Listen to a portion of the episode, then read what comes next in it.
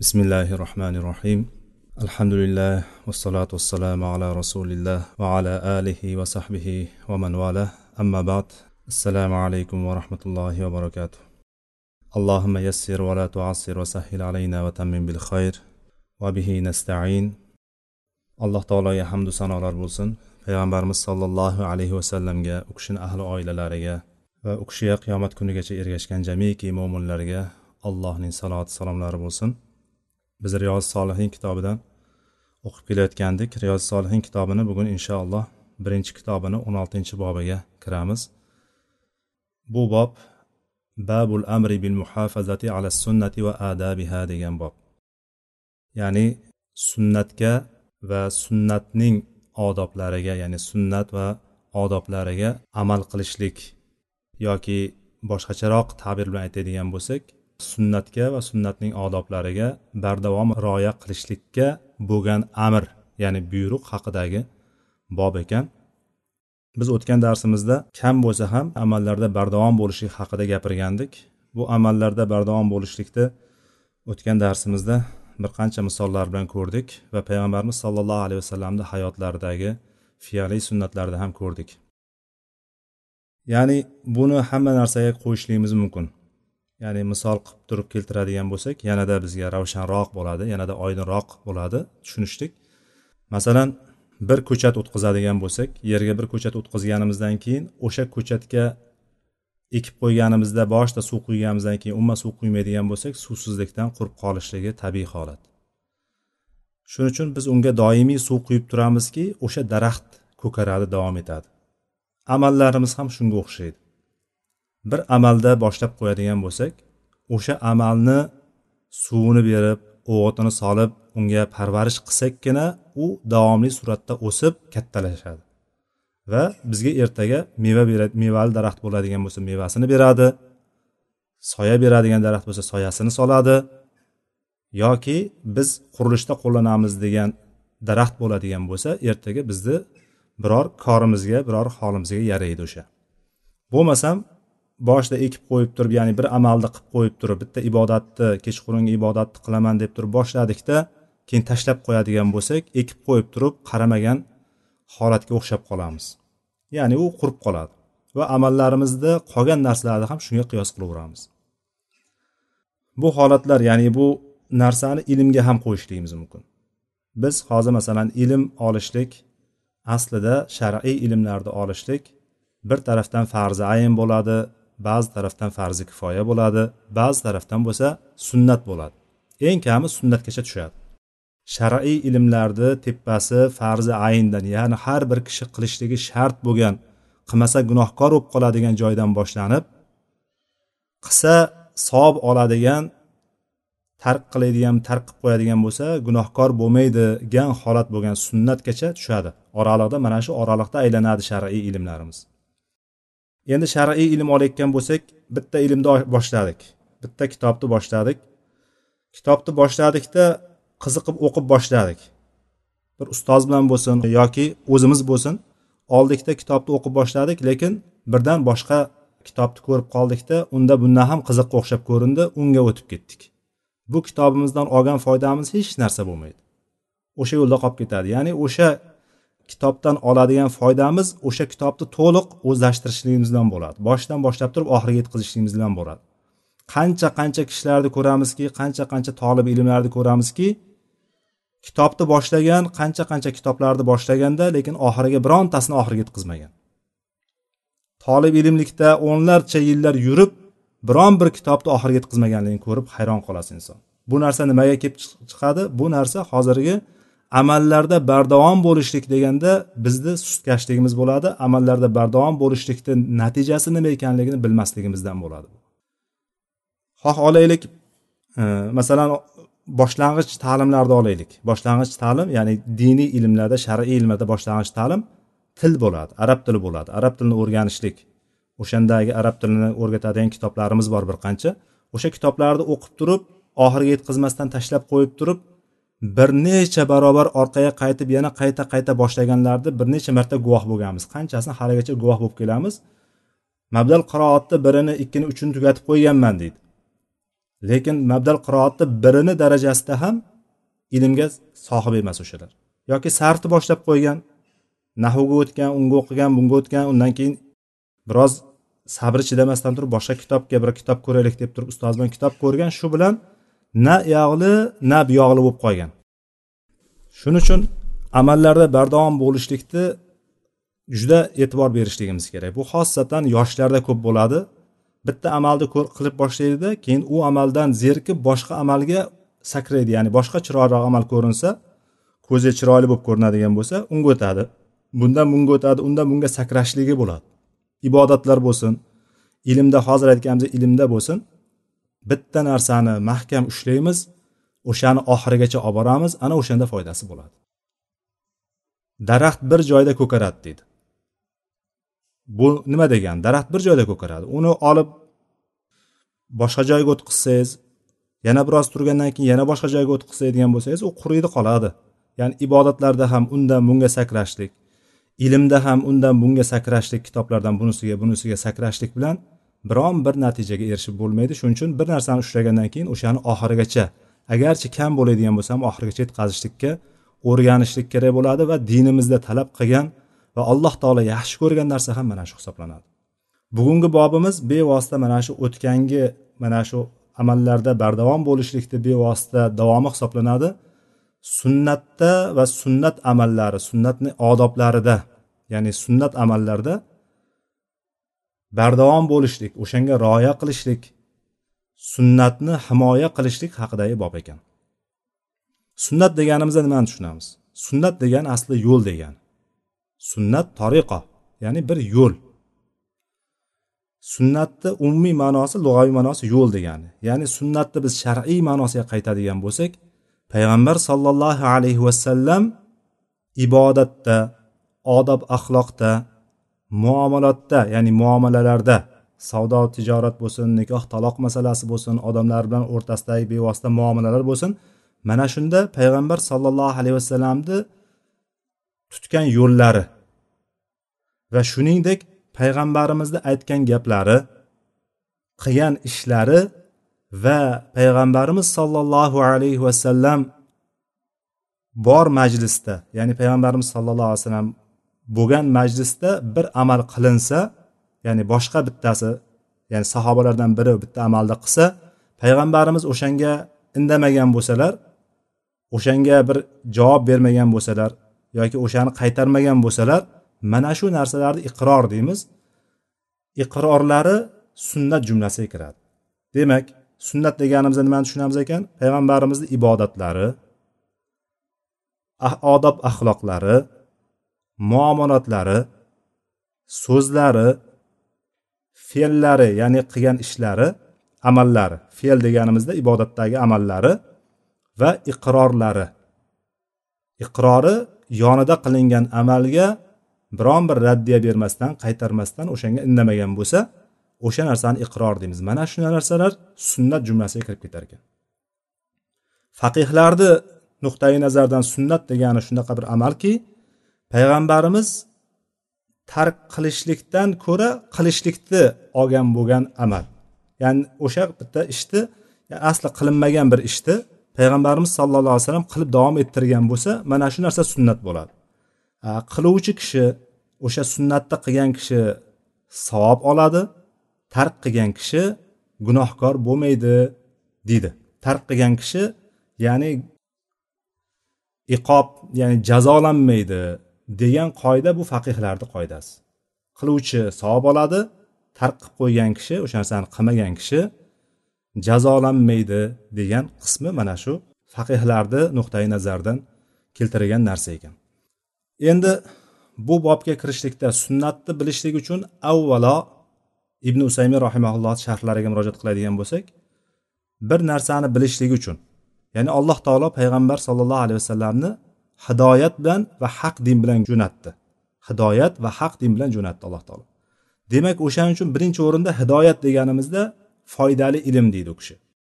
Hidoyat foydali ilm haq din bo'lsa amali solih hisoblanadi. Demak amali solihni bilishlik uchun avval bilishlik kerak. Ya'ni sunnatni qilishlik uchun avval sunnat amallar qaysi ekanligini bilishligimiz kerak.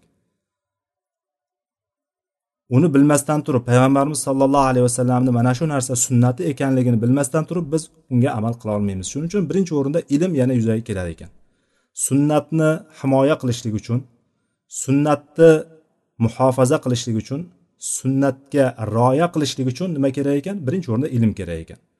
Mana shu ilmni darajalarini uch qismga bo'linadi. Tolib ilm ilm talab qilaman deydigan bo'lsa ilm uch qismga bo'linadi. Yuqorida aytganimizdek farzi ayn bo'ladi farzi kifoya bo'ladi va sunnat bo'ladi. Farzi ayn ibodatlar qaysi e, farzi ayn ilmlar qaysi ilmlar hisoblanadi? Farzi ayn ilm deganimiz bu ibodatlarga taalluqli bo'lgan ilm. Ya'ni ibodatlarni o'rgatishlik ibodatlarni bilishlik haqidagi ilm bu farzi ayn bo'lgan ilm. Ya'ni bunga masalan tahorat namoz ro'za zakot haj haqidagi narsalar shunga o'xshagan ibodatlarga taalluqli bo'lgan ilmni o'rganishlik har bir kishiga farzi ayn hisoblanadi. Har bir kishi bilishligi shart. Tahorat bo'ladigan bo'lsa tahoratni farzlari nima? Qanday qilib olishlik kerak tahoratni? Qayerda chala yuvadigan bo'lsak nima bo'ladi? Yoki tahoratni buzadigan amallar qaysilar? Tahoratni buzmaydigan amallar qaysilar? Qaysi holatlarda nimalarga tahorat shart bo'ladi? Tahoratsiz qabul bo'lmaydigan narsalar nimalar? Mana bu narsani har bir kishi bilishligi shart chunki balog'at yoshiga kelgandan boshlab turib insonga namoz farz bo'ladi. Ungacha payg'ambarimiz sallallohu alayhi vasallam buyurganlari yetti yoshdan bolalaringni namozga buyuringlar. O'n yoshda agar namozga bee'tiborlik qiladigan bo'lsa o'sha namoz sababli uringlar deganlar payg'ambar sallallohu alayhi vasallam. Ya'ni tarbiya berishlik o'shanga odob berishlik yuzasidan namozni insonni hayotini bir bo'lagiga aylanishligi jihatidan bolalarga yetti yoshdan boshlab buyurishlikni va o'n yoshda agar namozga loqaydlik qilayotgan bo'lsa namozni rukunlariga amal qilmayotgan bo'lsa e'tiborsizlik qilayotgan bo'lsa ana o'sha sabablidan o'sha sabab bilan urushlikka payg'ambarimiz sallallohu alayhi vasallam nima qildilar? Tavsiya qildilar. O'sha narsani yo'lni ko'rsatdilar. Odob yuzasidan urushlikka ishora qildilar. Bu narsa nima? o'n yoshda bola balog'atga yetadimi aksariyat holatlarda o'n yoshda hozirgi kunimizdagi agarchi akseleratsiya deymiz erta balog'atga yetishlik degan narsa bor.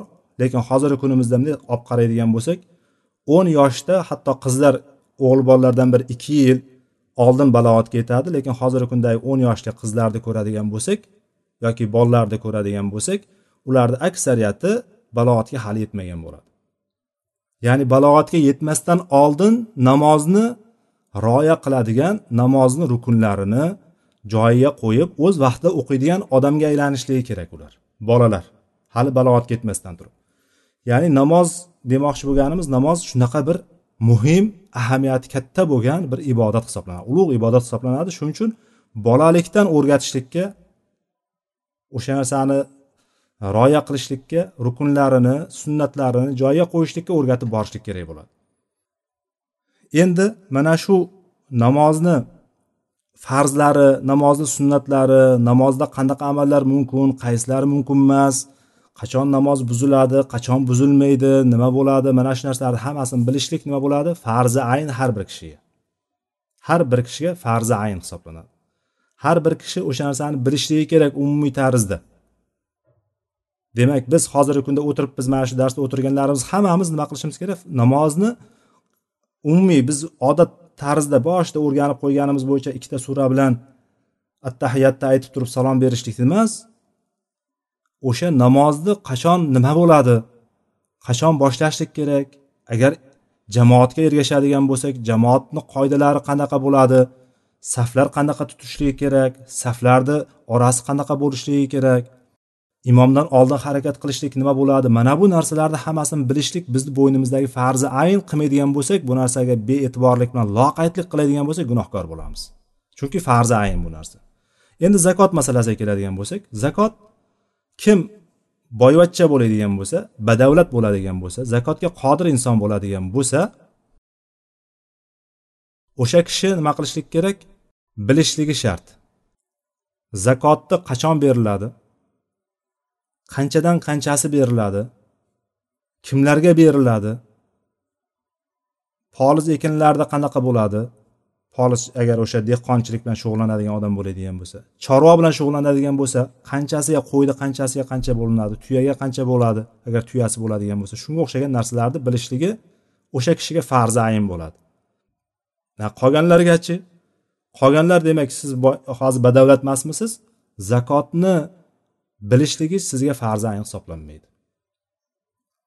Haj ham xuddi shunday. Hajga borishlikka tayyorgarlik ko'ryapsiz.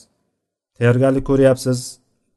Hujjatlaringizni topshirib qo'ydingiz viza oldingiz boshqa qildingiz o'shalarga tayyorgarlik ko'rayotgan bo'lsangiz hajdagi haj amallarini haj rukunlarini hajni ichidagi ibodatlar hammasini siz nima o'rganib chiqishligingiz shart bo'ladi. Farzi ayn bo'ladi. Boshqa narsalar ham shunga qiyoslanib ketaveradi. Endi farzi kifoya bo'ladigan bo'lsa shariat um bilan himoya qilinadigan ya'ni shariatni qolgan ilmlari shariat mukammal bo'lishligi uchun faqat ibodatlardan tashkil topmagan to'g'rimi? Savdo ilmi bor nikoh taloq masalalari bor qancha qancha narsalarimiz bor shariatda. O'sha narsalarni shariatni butunligini saqlab turadigan ilmlar bu farzi kifoya hisoblanadi. Bu ilmlarni bilishlik farzi ayn bo'ladi agar o'sha katta bir xalqni ichida katta bir qavmni ichida o'shani biladigan odam bo'lmaydigan bo'lsa hammasi gunohkor bo'lib qoladi. Farzi kifoya degani bir kishi qilsa o'shani qolganlardan farzligi kifoyaga tushadi. Ya'ni hammasi yetarli bo'ladi bir kishi bo'ladigan bo'lsa. Lekin o'sha bir kishini bo'lmasligi bilan demak qolganlar gunohkor bo'lib qolishligi mumkin bo'lgan ilm mana shu e, farzi kifoya bo'ladi. Undan keyingisi bo'lsa bir kishi oladigan bo'lsa masalan hozirgi aytganimiz farzi kifoya bo'lgan ilm agar hech kim bilmaydigan bo'lsa hammaga farzaynligicha turaveradi. Lekin bir kishi chiqdi meros ilmini o'rgandi misol. Meros ilmini o'rgandi yoki savdo ilmini tijorat ilmini o'rgandi. Shar'iy jihatdan aytyapmiz. O'shani o'rgangandan keyin qolganlarga farzi kifoya o'sha yerda farzi kifoya bajarildi. Endi qolganlar uchun sunnat bo'lib qoladi buni olishlik. Qolganlar o'sha ilmni o'rganishlik chuqur egallashlik uchun sunnat bo'lib qoladi. Ya'ni shar'iy ilmlar mana shu farzi ayn bilan sunnat orasida aylanadi. Demak mana shu narsani bilishligimiz uchun ya'ni sunnat bugun sunnat va sunnatning odoblari haqida gaplashar ekanmiz. Demak sunnat va sunnatni odoblarini bilishligimiz uchun demak ilm kerak ekan. O'sha qaysi bir narsa sunnat bo'ladi? Qachon sunnat bo'ladi? Bu sunnat davomli qolganmi yo'qmi? Hukmi boqiymi yo'qmi? O'shani bilishlik uchun nima qilish kerak ekan? Albatta ilmni o'rganishligimiz kerak ekan. Sunnat ilmini bilishligimiz kerak ekan. Muallif rahimaulloh bu o'rinda bir qancha oyatlarni keltirdi. Ya'ni sunnat ustida to ilk kunlardan boshlanib ya'ni payg'ambarimiz sallallohu alayhi vasallam olamdan o'tgandan keyingi ilk kunlardan boshlanib hozirgi kunimizgacha sunnatga qarata tosh otuvchilar ko'p bo'lgan. Sunnatga tosh otuvchilar ko'p bo'lgan. Ya'ni harakat qilinganki din dushmanlari tarafidan yahudlar tarafidan xossatan hozirgi kunimizda mustashriqlar tarafidan xossatan juda ko'p hamlalar bo'lganki bu hamlalarni asosi asosi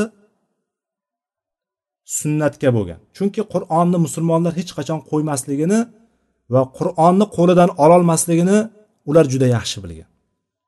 Va o'sha narsani ustidan chiqqan o'sha narsani tajriba bilan hosil bildiki qat'iy ishonch hosil qildiki musulmonlar qur'onni hech qachon qo'ymaydi. Qur'onga eng katta dushmanlik qur'onga bo'ldi lekin qur'ondan ko'ra ko'proq murojaat qilingan qur'ondan ko'ra ko'proq bosmalardan chiqarilgan va qur'ondan ko'proq yodlangan kitob bo'lmadi dunyo bo'yicha. Ya'ni shu tarixga e, bir ming to'rt yuz o'ttiz olti yil o'tdi mana hijratdan buyog'iga bir ming to'rt yuz o'ttiz olti yil ichida biron bir kishi ya'ni qur'onni yo'q qilishga harakat qilgan bo'lsa uddasidan chiqa olmadi. Va eng ko'p murojaat qilingan narsa qur'on bo'ldi. Endi bular bu narsani tushunib yetgandan keyin asosiy narsa nima bo'ldi? Asosiy narsasi bu sunnatga qaratildi. Chunki qur'onni bizga tushuntirib beradigan narsa sunnat bo'ladi. Ya'ni qur'onda alloh taoloni maqsadini eng ko'p tushungan alloh taoloni aytganini eng yaxshi bilgan kishi payg'ambar sollallohu alayhi vasallam bo'ladi. Endi bizdan payg'ambar sollallohu alayhi vasallamni shunday bir chekkaga olib qo'yiladigan bo'lsa qur'onni xohlagan tarafga o'ynatishligi mumkin. Qur'onni ichida muhkam oyatlar bor ya'ni ochiq oydin bo'lgan oyatlar bor. Ya'ni ko'rga ham ko'rga hassa bo'lgan oyatlar bor. Ko'r ham biladigan darajadagi ko'ra oladigan darajadagi ochiq oyatlar bor qur'onda. Uni hech kim inkor qilolmaydi hech kim ma'nosidan asl ma'nosidan boshqa ma'noga bura olmaydi. Lekin qur'onni ichida mutashobih oyatlari bor. Mutashobih degani boshqa ma'nolarga ham ketish buriladigan oyatlar bor. O'sha oyatlarni ustida xohlagandek o'ynaydi va musulmonlarni xohlagan tarafga olib ketishligi mumkin bo'lganligi uchun eng katta kuchni sunnatga tashlashdi. Ya'ni sunnatni o'rtadan shunday olib qo'yiladigan bo'lsa sunnatni ajratib oladigan bo'lsa qur'ondan ana endi qur'onni xohlagandek qilib turib musulmonlar xohlagan tarafga olib ketishligi mumkin bo'lganligi uchun sunnatga ko'p kuch tashlandi. Va vallohu alam imom navaviy ham shuning uchun qur'ondan bir qancha oyatlarni keltirdi. Mana shu kungacha o'n oltita bob o'qigan bo'lsak qur'ondan keltirgan oyatlarni bobda ba'zi o'rinlarda bitta oyat ba'zi o'rinlarda ikkita oyat nari borsa to'rtta beshta oyatdan kifoyalanadigan imom navaviy bu safar o'nlarcha oyat keltirdi. Bu bobda o'nlarcha oyat keltirdi va qur'onda bundanda ko'plab oyatlar bor bu narsaga dalolat qiladi. Ya'ni sunnatni mahkam ushlashlik. Sunnatga ergashishlik payg'ambar sollallohu alayhi vasallamga ergashishlik haqidagi oyatlar to'lib toshib yotibdi. Imom navaviy mana shu o'rinda demak bir qancha oyatlarni keltirdi va bobga har doimgidek odatdek o'nta o'n beshta atrofidagi allohu alam o'n ikkita bo'lishi kerak hadislarni keltirdi. Inshaalloh vaqtimiz yetganicha bugun e, mana shu oyatlar bilan biroz tanishgan bo'lamiz. Imom navaviy bu o'rinda birinchi oyatni keltirdi. Qolalloh taala va atakumur rasulu fakhuduhu va ma nahakum anhu fantahu. Bu hashr surasini yettinchi oyat rasul ya'ni payg'ambar sollallohu alayhi vasallam sizga nimani olib kelgan bo'lsa o'shani olinglar nimani ato qilgan bo'lsa ya'ni nimani bersa shuni olinglar nimadan qaytargan bo'lsa o'shandan qaytinglar degan oyat. Bu oyati karima oldingi darslarimizda ham ko'p ishora qilgandik ya'ni qur'onni bir o'zini oqimi bor. Qur'onni oqimi bor. Ya'ni qur'ondagi oyatlar albatta o'zidan oldingi o'zidan keyingi oyatlarga bog'liq holatda kelgan. Ya'ni top etib o'rtadan hech narsaga aloqasi bo'lmagan bir oyatni qo'ymagan alloh taolo. Ya'ni alloh taolo shunaqa bir keltirganki qur'onni bir mo'jazligi qur'onni bir mo'jizakorligi shundan iboratki qur'ondagi oyatlar o'zidan avvalgi va keyingilarga bog'liq bo'lgan holatda bo'lak bo'lak bo'lak nozil bo'lgan. Bu oyatni bu o'rinda kelishligini ham bu oyatni bir parchasi bu. Rasulu anhu fantahu degan oyat bir oyatni bir bo'lagi bitta oyatni bir bo'lagi hisoblanadi. Ya'ni hashr surasi yettinchi oyatni bir bo'lagi. Bu oyatda g'animatlar haqida gap ketadi o'sha oyatni tepasida mana shu hozir o'qigan oyamiz oyatimiz tepasida g'animatlar g'animatni ham bir ko'rinishi bo'lgan fay haqida gap ketadi. Fay degani g'animatni bir ko'rinishi ya'ni asli g'animat oldingi ummatlarga harom qilingandi. Payg'ambarlarga hamma payg'ambarlarga g'animatlar harom qilingandi. Ular g'animatlarni olishardi bir joyga to'plashardi va osmondan bir olov tushib turib o'shani yondirib yuborardi ya'ni qo'llari bilan ham yoqishmagan. O'sha ularni qilgan ishini qilgan jihodini olloh tarafidan qabul bo'lganligini ko'rsatkichi osmondan olov tushib turib o'sha g'animatlarni yoqib yuborishligi bo'lgan. G'animatlardan bir kichkina narsa olib qolingan bo'lsa kimdir yashirib olib qolgan bo'lsa ham olov tushmagan. Buni oldin bir hadisda o'qigandik boyagi.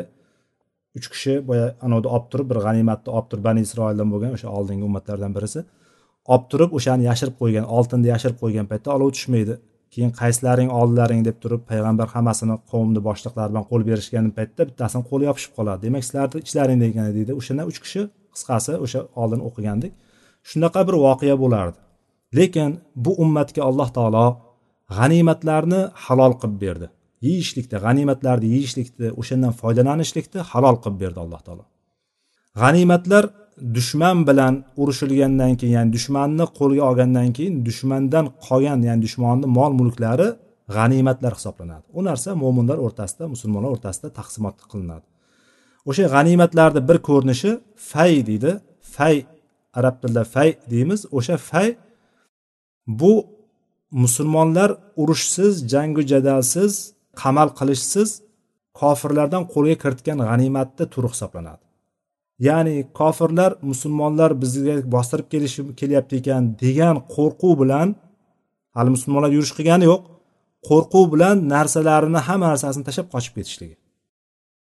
Hamma narsasini tashlab ketib yuboradi o'sha qolgan narsani fay deydi g'animatni bir ko'rinishi buni qur'onda kelgan beshta bo'limga bo'linadi deb turib aytiladi. Xullas o'sha fay haqida gap ketadi bu yerda.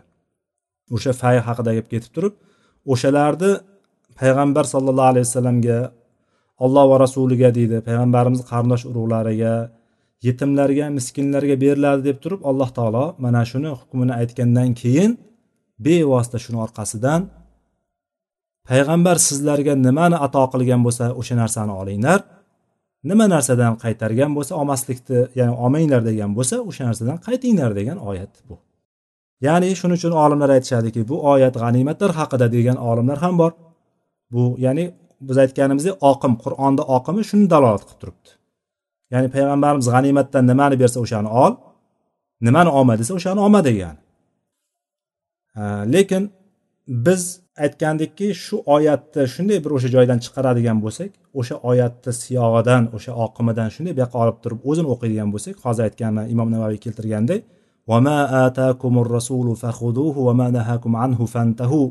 deydigan bo'lsak umumiy hukmda dalolat qiladi. Ya'ni faqat fayga g'animatga tegishli emas umumiy hukmni dalolat qiladi. Buni bir qancha mufassir olimlarimiz bu narsani aytgan va bu narsa islom fiqida ham mana shu narsani dalolat qiladi. Bu oyatda hukmi umumiy hisoblanadi. Buni ichiga g'animatlar ham kirib ketadi boshqa narsalar ham kirib ketadi. Payg'ambar sollallohu alayhi vasallamni mana shu oyatni hukmidan kelib chiqadiki butun buyruq va qaytariqlari o'sha narsalarga amal qilishlik ya'ni buyurgan narsalarni qilib qaytargan narsalardan qaytishlik bu narsa farz bo'lganligini mana shu oyat dalolat qiladi. Farzligini mana shu oyat dalolat qiladi. Buni nimaga endi payg'ambar sallallohu alayhi vasallam aytsa ham bo'lib qolaveradimi olloh aytsagina bo'lmaydi emasmi? degan savolga muallif rahimaulloh shu savolda bevosita kelib qolishligi mumkinligidan keyingi oyatni bu yerga keltirdiki vama yantiqu anil hava in huva illa vahyu yuha oyatini keltirdi. Ya'ni najm surasidagi uchinchi to'rtinchi oyatlar. Ya'ni payg'ambar bu yerda vama yantiqudagi hu huva zamir mustatir payg'ambarimizga qaytadi ya'ni payg'ambar sallallohu alayhi vasallam sizlarga o'z havoyi xohishi bilan gapirmaydi. O'z havoyi xohishi bilan so'zlamaydi. Balki u keltirayotgan narsa in huva illa vahyun yuha faqatgina vahiy qilinayotgan bir vahiydir deyapti alloh taolo. Ya'ni bundan ko'rinadiki birinchi o'rinda bu qaytayotgan narsa ya'ni u kishi faqat o'z havoyi xohish bilan so'zlamaydi degandan birinchi qaytayotgan narsa qur'onni o'zini havosi bilan gapirmagan. Payg'ambarimiz o'zini qur'onni o'zini so'zlari bilan keltirmagan. Bevosita allohdan qanday tushgan bo'lsa qanday vahiy qilingan bo'lsa xuddi shunday yetkazgan. Ikkinchi tarafida bo'ladigan bo'lsa bu oyatni ikkinchi dalolati va bu bobda asosiy ko'rsatgan narsasi payg'ambarimizni sahih sunnati. Payg'ambarimizdan kelgan sahih ya'ni payg'ambarimizni haqiqatda payg'ambarimiz aytganligi vorid bo'lgan sahih san'at bilan kelgan sunnati mana shu oyatni hukmida bo'ladi. Chunki payg'ambar sollallohu alayhi vasallam o'zini xohishi bilan bir amalni yuzaga keltirmagan. Bu narsa ba'zi o'rinlarda jabroil alayhissalom kelib turib payg'ambarimiz sallallohu alayhi vasallam bitta bitta o'rgatganlar o'shani payg'ambarimiz sallallohu alayhi vasallam aytganlar yoki ilhom bilan payg'ambarimiz sallallohu alayhi vasallamga ilhom qilingan va payg'ambarimiz shu amalni qilganda alloh taolo shu narsani iqror qilgan. Agar payg'ambarimiz sallallohu alayhi vasallam bir xato qilganda edi alloh taolo unga ruxsat bermagan bo'lardi. O'sha narsaga alloh taolo indamasdan qarab turmagan bo'lardi. Ya'ni albatta payg'ambarimizga bir itob tushardiki payg'ambarimizga bu narsani noto'g'ri qilding degan bir hukm kelardi.